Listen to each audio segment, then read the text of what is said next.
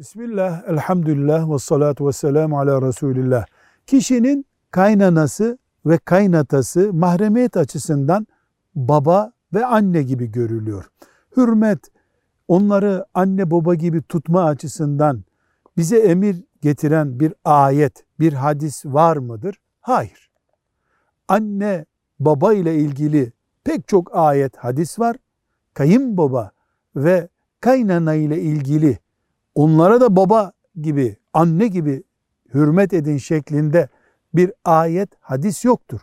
Ama insanın bir üstüne, büyüğüne hürmetini, saygısını bu ümmetten olmanın gereği olarak gösteren hadisler vardır. Bu da yeterlidir. Velhamdülillahi Rabbil Alemin.